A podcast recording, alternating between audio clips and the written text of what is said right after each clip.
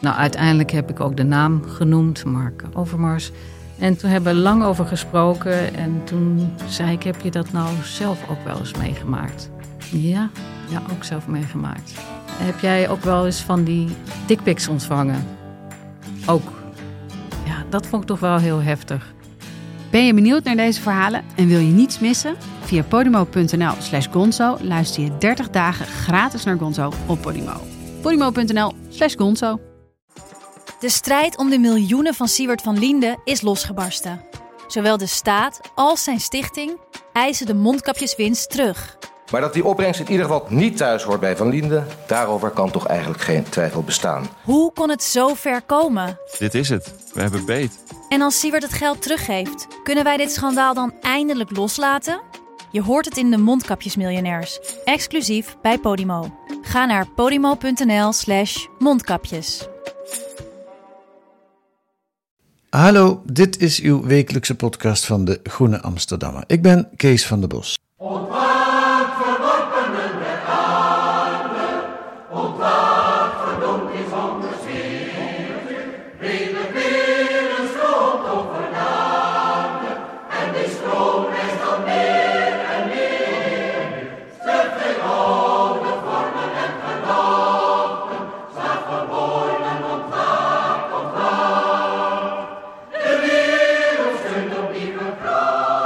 Dit komt je bekend voor, Koen.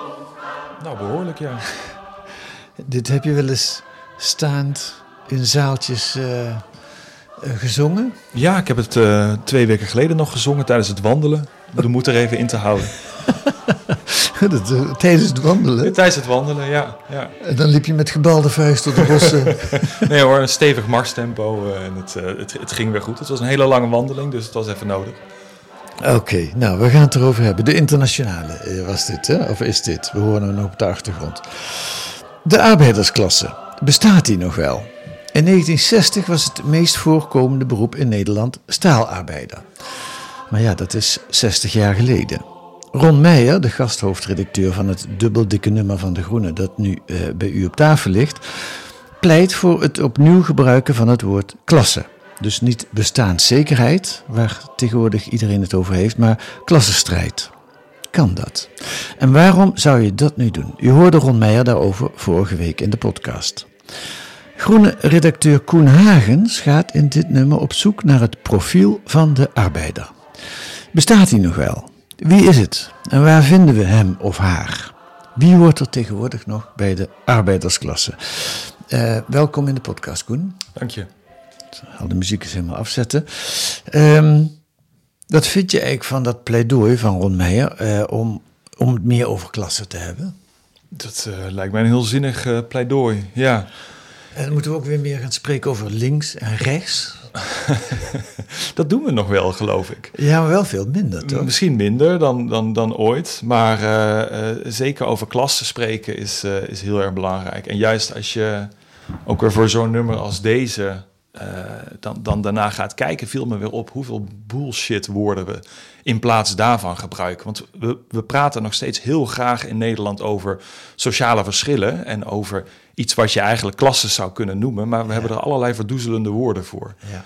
Ik irriteer me bijvoorbeeld al jarenlang aan eh, waar het in de politiek vooral over gaat. Als het gaat over de zwakste schouders en over de kwetsbaren. Wa- waarom? Ja, nou ja, het, zijn een soort christendemocratische woorden eh, hè, met, met naaste liefde en, eh, en aalmoezen. Daar klinkt het voor mij naar, maar vooral ehm, je haalt mensen zo onderuit en je houdt jezelf ook voor de gek. Eh, het- twee, twee dingen. Ten eerste suggereer je dus dat mensen echt van jouw goedertierenheid afhankelijk zijn. Want jij hebt meestal sterke schouders als je het over de zwakste schouders Nou, hebt. het is een zelfcompliment inderdaad, ja. Ja, ja. Ehm, maar maar je, je haalt mensen dus onderuit. Je, je geeft ze de suggestie mee van... ja, je kunt niet zelf iets aan je situatie veranderen. Je bent afhankelijk van eh, die sterke schouders. eh, de elite, de bourgeoisie, de burgerij, noem maar op. Maar eh, er zit ook iets eh, in waarin eh, die, die, die gegoede middenklasse zichzelf voor de gek houdt. Namelijk, we, ge- we geven in Nederland heel veel geld aan mensen die het minder hebben. En er wordt heel veel aan herverdeling gedaan. Maar dat is niet een soort, nou ja, wat ik zeg, dat, dat is niet die goedertierenheid. De grote veranderingen in de verzorgingsstaat zijn altijd gekomen als er angst was bij de mensen die het beter hadden met de hogere inkomens. Angst voor revoluties in 1848, in 1917, 1918, na de Tweede Wereldoorlog. Het was altijd uh, betuigen een heel uh, sociaal stelsel op zodat die uh, mensen die stiekem hele sterke schouders hebben, die arbeiders bijvoorbeeld aan de onderkant, zodat die uh, ons niet lastig gaan vallen. Ja. En dat wij niet uh, besmettelijke ziekten krijgen, dat wij geen opstandige Jordaanbewoners in de, in de Villa-wijk krijgen. Noem het maar op. En, en, en helpt het dan, of wat gebeurt er dan als je het over klassen hebt? Dat is in ieder geval een stuk duidelijker. En Ron Meijer heeft het de vorige week inderdaad over gehad. En het gaat er in het nummer heel veel over. Maar uh, klasse laat zien dat er gewoon structurele uh, achterstanden bestaan. Dat er structurele verschillen bestaan in de maatschappij door hoe je geboren wordt, hoe je, uh, waar je geboren wordt, hoe je opgevoed wordt, door wie je opgevoed wordt, op welke plek. Dat heeft allemaal gevolgen door, voor wat je kunt bereiken. Hmm. Dus dat, zodra je gaat praten over klasse, dan doe je meteen iets tegen dat hele meritocratische fabeltje van, nou ja, ik, ik ben. Ik ben uh, volwassen geworden nog net in de jaren negentig. En dat was uh, de tijd van de, de leus in de reclame. Succes is een keuze. Die vervolgens gretig gekopieerd werd door het uh, studentenkorps in mijn klas, in, in, mijn stad, in Leiden. Overal hingen posters met succes is een keuze. Nou, dat, daar zit het allemaal in. En dat ja. is gewoon jezelf voor de gek houden. Ja. Uh, was je lid van het koor eigenlijk? nee, gek hè? kom, jij, kom jij uit, uit, wat voor klasse kom jij oorspronkelijk? Ik kom uit, uh, uit, uit de hogere middenklasse, denk ik. Mijn vader had een uh, bouwbedrijf. dat is heel treurig uiteindelijk failliet gegaan in de grote crisis. ook tijdens de, de, de, crisis op de huizenmarkt. Uh, maar dat was een, een familiebedrijf, dus uh, er aan geld geen gebrek bij ons. Heel anders dan ja, Ron Meijer. Een, een, kapitalist dus. Zeker. Um, want dat is wat... Nou, laten, laten we daar eens naar gaan. Jij bent in de jaren negentig opgegroeid, zei je. bent gaan studeren in Leiden. En je bent erg links geworden, toch? Ja, zeker. Dat was ik voor die tijd al. Ja? Wanneer ja. is dat gebeurd dan? Ik geloof dat ik op mijn elfde zo begon met uh, vragenuurtje kijken in de Tweede Kamer. Toen uh, vond ik Ina Brouwer altijd het allerleukste en de beste dingen zeggen. Dus dat is heel lang geleden. Ja. Die, uh, die, was toen net in plaats van CPN was die GroenLinks ja. leider ja. geworden. Ja, ja. En, en wat vond jouw vader, de kapitalist, daarvan? Daar waren we het niet met elkaar over eens. Nee, nee is dat uh, zacht uitgedrukt? Mijn moeder was wat progressiever, uh, meer D66. Dus ja. Uh, ja. een beetje GroenLinks de laatste tijd meer. maar daar, daar, kon ik het veel meer over politiek hebben. Mijn vader ja. was ook gewoon niet zo geïnteresseerd in politiek. Maar ja, nee, dat is natuurlijk een hele rare tegenstelling. Het lijkt heel erg het cliché, hè? De, de kinderen van de, van, de, van de kapitalisten die dan heel erg links worden. Ja. Uh, in mijn geval was die cliché-situatie ook echt waar. Uh, ik kon wat dat betreft ook niet wachten om te gaan studeren en, en ja, dat, uh, dat, dat achter mij laten. Maar ik moet zeggen dat de mensen die ik vervolgens trof, met wie ik actie heb gevoerd en die met mij links waren, ja. die waren eigenlijk meestal, dat waren juist de, de klassemigranten. Dus de, de jongeren die ouders hadden die, die, nou ja, die veel armer waren die vervolgens in een, in een ander soort omgeving kwamen van de universiteit. En die daar, denk ik, achteraf gezien een soort van meedeelden. Ook met die, uh, die loyaliteit ja. hè, die je dan nog voelt naar je oude omgeving. Die daarmee deelde door in dit soort uh, omgevingen en, en organisaties en groepen te gaan uh, zitten. Ja, want jij bent lid geworden van de SAP, heb ik me laten vertellen. De Socialistische Arbeiderspartij. dat gebeurde toen je ging studeren. Of wanneer heb je dat gedaan? Uh, dat was even daarna. Ik, uh, toen ik ging studeren ben ik meteen actief geworden voor uh, wat, wat actiegroepen. Dat, ja, Leiden klinkt altijd als een ontzettende studentenkakstad. Ja, bij mij wel. Maar het was eigenlijk de stad waar de spannendste dingen gebeurden eind jaren negentig. Ja? Zeker, ja. Je had Nijmegen, was altijd al, al veel. Amsterdam natuurlijk, maar die ja. waren heel erg Ja, dat is de luxe van de grotere stad, dat mensen daar heel erg afzonderlijk zaten. Dus je had de anarchisten met de anarchisten en de, eh, de marxisten zaten met de marxisten. Die waren ook nog weer onderling verdeeld Ja. Nou, tussen dat wat clubjes. In, Nijmegen ook hoor. Ja, maar in, in, in Leiden eind jaren negentig waren we eigenlijk eh, één grote gezellige groep met elkaar. Want we hadden niet die luxe dat je, dat je kunt permitteren. Er waren er, er waren er wat minder. Nou, maar ook, ik, ik was ook actief met, eh, met, met, met, met helpen met kraken en zo. Ja, dan, als je dan in situaties komt dat... eh, een, eh, een, een pandjeseigenaar eh, met, eh, met een knokploeg dreigt bijvoorbeeld, dan heb je elkaar gewoon nodig. Ja. En dan ga je je minder moeilijk doen over allerlei eh, ideologische eh, hele kleine verschillen. Ja. Maar waar ik eigenlijk naartoe wil, want dat vind ik interessant. Ik bedoel, het, het, is me, het komt me erg bekend voor, ook uit mijn eigen geschiedenis, zou ik maar zeggen. Heb jij ook geloofd in de revolutionaire rol van de arbeidersklasse? Daar had ik een hele moeilijke rol mee. Ja, en, en dan komen we inderdaad uit bij het onderwerp van, eh, van dit nummer, van, eh, van mijn artikel ook. Ehm, maar hoe dacht je daar toen over? Daar ben ik heel ja, hoe ik daar toen over dacht. Ik, ik, ik, ik was dus veel, veel later dan die generaties die nog eh, naar de arbeiders toe gingen in de fabriek, in de wijken. Hè, daar een soort heilig geloof en eerbied ook voor hadden. eh, precies wilden leven zoals de arbeiders. Ja. Eh, dat had ik allemaal niet meer. Want dit waren ja, de late jaren negentig. De muur was gevallen. Al die oude begrippen die hadden wel een beetje aan hun, hun invloed verloren. Ehm, en ik herkende het ook gewoon niet zo. Hè, die, die, die, dat clichébeeld van een arbeider in, in blauwe overal die in een fabriek werkt, ja, die, die waren er gewoon niet meer zoveel. Dus dat was wel eh, een, eh, een dingetje. En de revolutie dan? Hoe moest die dan komen? Ik geloofde ehm, wel dat dat nodig was. Ja, Ik zou er misschien nog steeds geen bezwaar tegen hebben als het niet op een andere manier kan. ja. Maar dat was meer iets voor heel ver weg. Ik, ik denk toch dat dat voor de laatste in de jaren 60, 70 is geweest... dat mensen het idee hadden van nou, hè, een revolutie is iets dat binnen tien jaar gaat komen. Dat was Ja. totaal niet eh, zo. Oké. We maakten er ook onderling grapjes over en zo. Het gaat meer om dat je een, een, een betere maatschappij in je hoofd hebt... hoe dat eruit zou kunnen zien. Dat je heel veel punten ziet dat je denkt van... nou, dit kan toch niet het eindstadium van de menselijke ontwikkeling zijn. Hè? Ja. Nederland in de jaren negentig. Dus het moet toch beter kunnen. En eh, dat je dan als een soort van einddroom, zeg maar, zo'n ideaal hebt van, nou ja, dan heb je, heb je misschien iets van een revolutie met in ieder geval een totale omwenteling, een totaal ander soort maatschappij.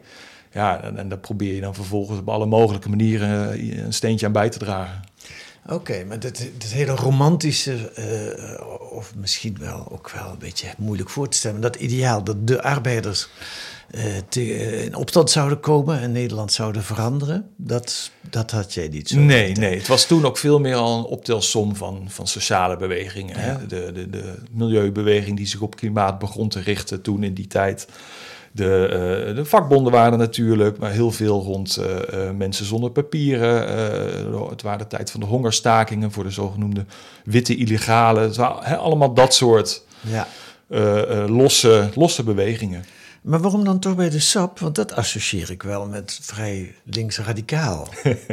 Zeker, ja. En ik bedoel, ik was sowieso, ik, ik kwam wat meer uit de anarchistisch georganiseerde eh, eh, losse actiegroepen, losse actiebeweging. Ja. En ik, ik, eh, ik ergerde mij aan het, aan het eh, ik kreeg het idee dat we voortdurend eh, de, de steen, eh, nee, hoe noem je dat? Dat we voortdurend het wiel opnieuw aan het uitvinden waren. En dat we voortdurend tegen dezelfde stenen eh, daarover struikelden en aan Ehm, dus ik zocht naar iets, een, een groep, een organisatie met iets meer structuur en iets meer continuïteit, zodat je nog het idee hebt dat je wat lessen kunt doorgeven aan elkaar. Hè? Zo van, nou, een demonstratie kun je het best op die en die manier organiseren. En eh, we hebben al nagedacht over hoe het zit met samenwerken met mensen met wie je het niet helemaal eens bent. En dat zouden we misschien zo kunnen doen.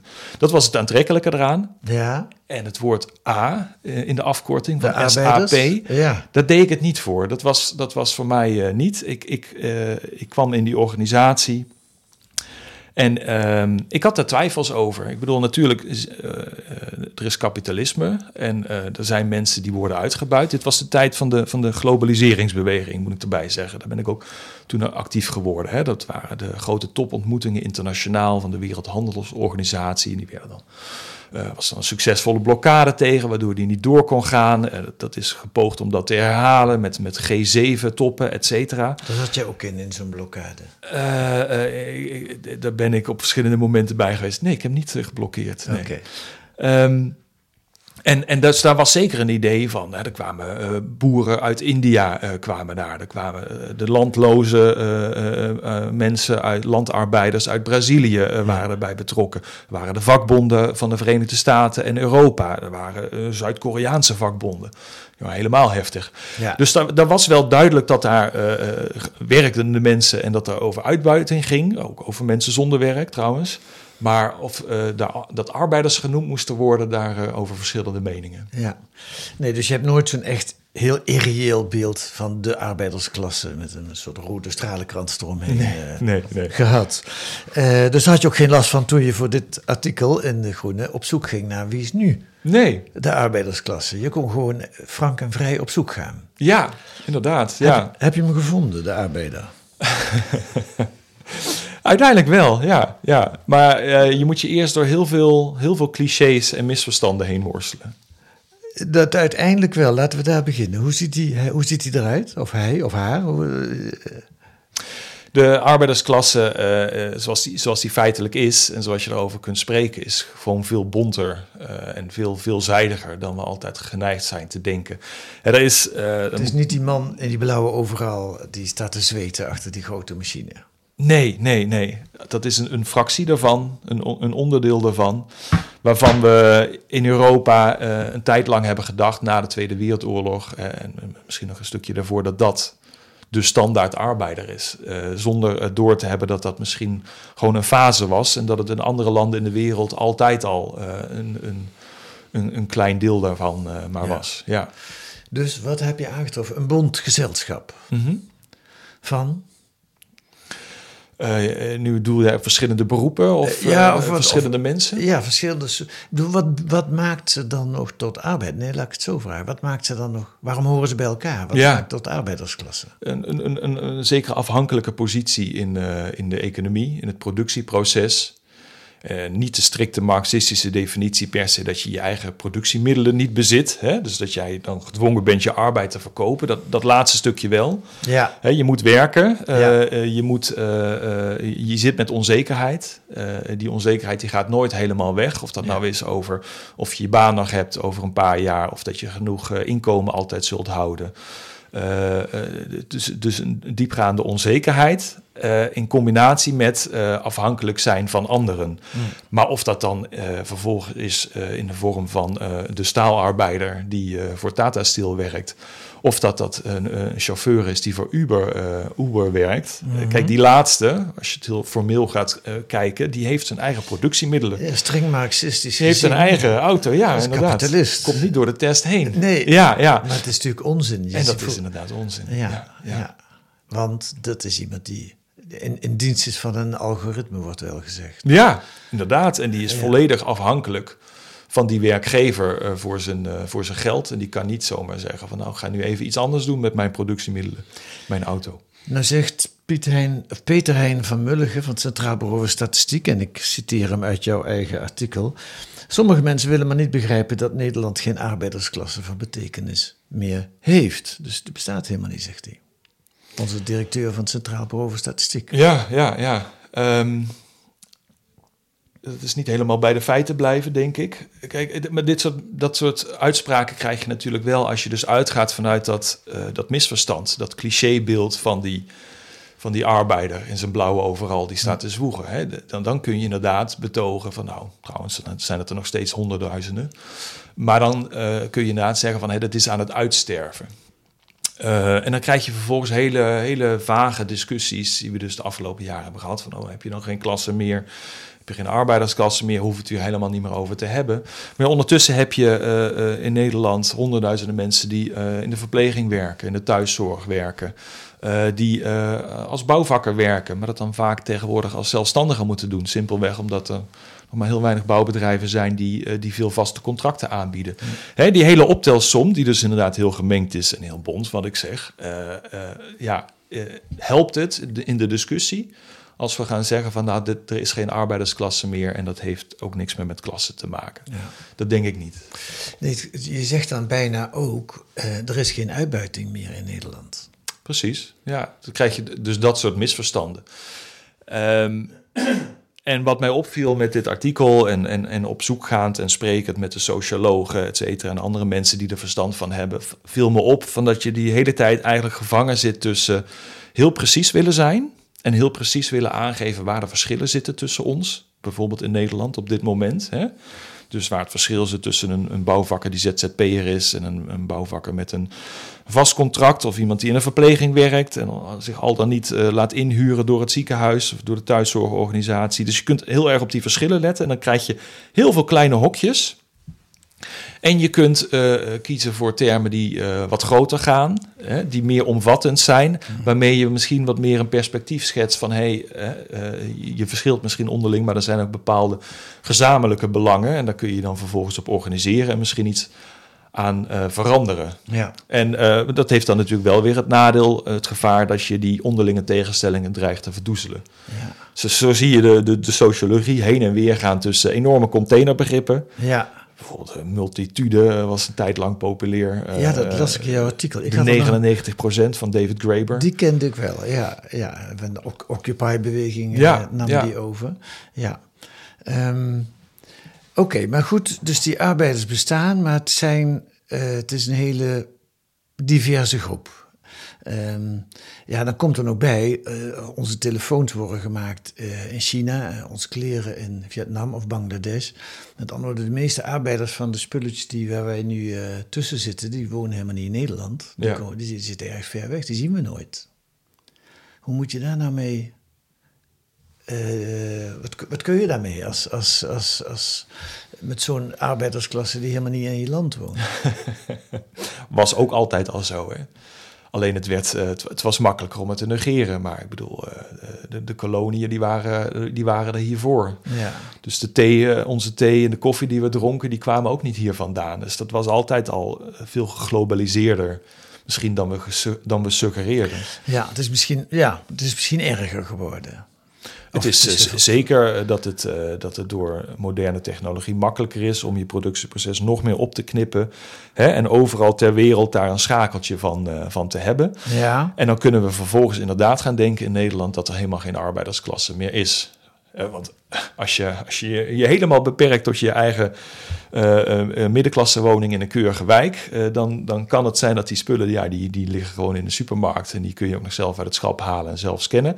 Ja. Dus daar zit, daar zit geen arbeid. die spullen die verschijnen gewoon in Nederland en daar hebben we geld voor om dat te betalen. En, en het enige wat we zelf zien is de huisarts en, en de coach en de therapeut die we hebben. En dan ja. soezen we zo, ons zo een beetje in de diensteconomie. De diensteconomie, ja. Er bestaan helemaal geen arbeiders meer. Maar wie, wie, wie, wie, produceert dan de rijkdom waar we in zitten? Nou, precies. Dan geef je het antwoord zelf al. Dus er zijn toch ergens mensen blijkbaar die, uh, die nog uh, werken. Want dat moet... Met hun handen werken. Ja, ja dan, dan blijf je wel... Ik, dat, dat is een serieuze vraag hoor, die Hmm. ik heb. Dan blijf je ook wel binnen het marxistisch gedachtegoed. In de zin van... Marx zei altijd, rijkdom wordt geproduceerd in een productieproces. Die tafel die hier staat, was eerst een boom. Nou ja, dit is nooit een boom geweest, het was een ijzeren tafel, maar bij wijze van spreken.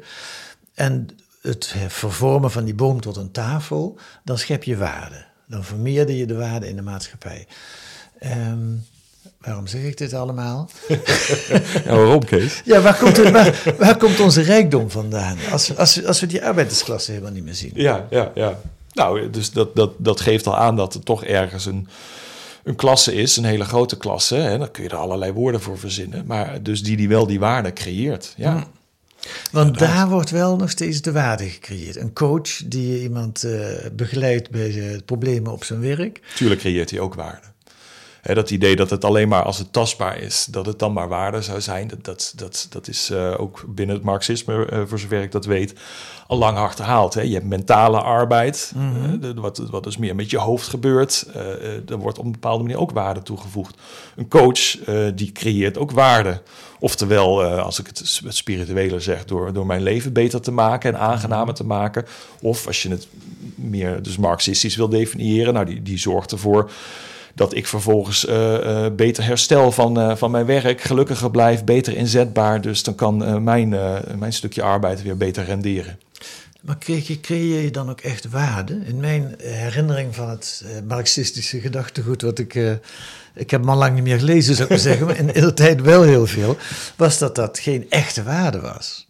De, de, de, de, de, de, de personeelschef in een fabriek, die produceert geen waar. Nee, de arbeiders die maken echt iets. Met, Ja, Van een grondstof naar een product. En dat levert rijkdom op. Ja. En die wordt vervolgens opgegeten door allerlei beroepen die daaromheen hangen, maar die eigenlijk zelf geen waarde produceren. Kijk, het, het idee van die, van, van die uitleg is natuurlijk om mensen zelfvertrouwen te geven. Hè? De, de, eh, als wij praten over economie en kijk naar de economiepagina's van de krant, dan hebben we het over CEO's en over bestuurders en over die, die CEO's en die aandeelhouders, maar vooral die CEO's, daar praten over alsof het voetbalcoaches zijn. Hè? eh, Ajax kan compleet kloten spelen, we sturen de coach weg en dan is het idee, dan komt er een briljant iemand. Hè, als Louis van Gaal bereid zou zijn. En dan, wordt dan wordt het weer fantastisch. Heel en zo, zo praten we ook ja. o- over de economie. Hè? Philips gaat heel slecht. We, we hebben het helemaal niet over de duizenden mensen die voor Philips werken. Laat staan voor de duizenden mensen die in het buitenland voor Philips werken. En daar het, het, het handwerk doen. Maar we hebben het over van, nou, er komt een nieuwe bestuurder. En die gaat de boel weer op de rails zetten. Dus als, als medicijn tegen dat verhaal over de economie, waar wij ook nu weer in gaan geloven, dat dat een slechts, slechts eigenlijk het werk is van een stel ge- genieën die hun fantastische ding doen, hè? dan werkt het heel goed tegen, vind ik. Want daarmee laat je zien aan, aan gewone mensen van, hè, we- we doen het eigenlijk allemaal. We zijn het met z'n allemaal. En, en zonder ons eh, eh, draait er niks meer. Ehm, ik heb een beetje moeite met dat als dat beperkt wordt tot die handarbeiders. En, eh, en, dat is voor, bij Marx is dat ook al te vinden dat dat eigenlijk niet het enige is. Je hebt natuurlijk eh, eh, de reproductie, zoals dat dan wordt genoemd. Niet in de zin van kindjes eh, maken, maar om te zorgen dat die arbeider de volgende ochtend weer met gesmeerde boterham met die fabriek in kan. Dat was bij Marx al duidelijk van hé, hey, daar zit iets achter. Ja. Hè, dat is het gezin. Dat, Ja. is een, da- dat is in die zin een echtgenoot, een vrouw. En als je het dan hebt over coaches of over therapeuten of dat soort mensen, dan, dan zie ik dat eigenlijk als een, als een verlengde, een soort uitbesteden van dat opknappen, als het ware, van, Ja. van ons werkende. Ja. Goed, oké. Dus die rijkdom komt niet alleen van die eh werk. Maar dat is verder ook een heel, een heel afgeleid probleem. Eh, In, dit geval, het interesseert me wel, vandaar dat ik erover doorvraag. Iets anders. Ik zag twee weken geleden op het NOS-journaal de wethouder eh, in Den Haag, uit Den Haag, klagen over het feit dat het hem echt totaal over de schoenen liep. Er wonen 50.000 eh, Oost-Europeanen, naar schatting, in zijn stad. In, in slechte omstandigheden. Soms slapen ze in ploegendiensten, worden uitgebuit door, door verhuurders. Eh, ze werken waarschijnlijk in grote dozen op industrieterreinen waar onze pakjes klaargemaakt worden, die wij allemaal bestellen. Of ze werken misschien illegaal in de kassen. 50.000 alleen in Den Haag. En 3, 4, 500.000, die schattingen lopen uiteen in Nederland. Eh, dat is ook een stuk, een groot stuk van de arbeidersklasse, wat we helemaal niet zien. Dat zijn, eh, en die mensen zelf, die denken nog dat ze het beter hebben. Want die komen hier werken omdat ze meer verdienen dan in de landen waar ze vandaan komen. Nou, dat denken ze niet alleen, dat hebben ze het ook Ja. daadwerkelijk. ja. Ja. ingewikkeld, maar dat is ook arbeidersklasse. Ja, ja, ja. En dat is, eh, eh, ja, het zijn allemaal tekenen van die versplintering, hè? Ja, Waar we dus eh, snel op antwoorden met een soort van heimwee. Nou, alsof er ooit een tijd was waarin het wel heel duidelijk was. En waarin al die arbeiders zich ook arbeider voelden en één waren. En dan gewoon het werk konden neerleggen. En dan konden ze betere omstandigheden afdwingen. En nu zitten we in een situatie waarin, eh, ja, waarin mensen allerlei verschillende contractvormen hebben. Allerlei verschillende achtergronden hebben. Eh, die Oost-Europeanen eh, die inderdaad eh, het gevoel hebben van ja, ik, ik, ik verdien in Polen 400, 500 euro voor iets waar ik hier eh 1000 euro extra voor krijg. Dus dan hoef je niet zo nodig in actie te komen. Bovendien kun je met je voeten stemmen. Als het hier niet genoeg oplevert, dan, ja, dan ga je weer terug. Of dan ga je het in een ander land proberen of op een andere plek in Nederland. Dus dat zijn allemaal verschillende achtergronden. Die maken dat veel moeilijker. ja, ja.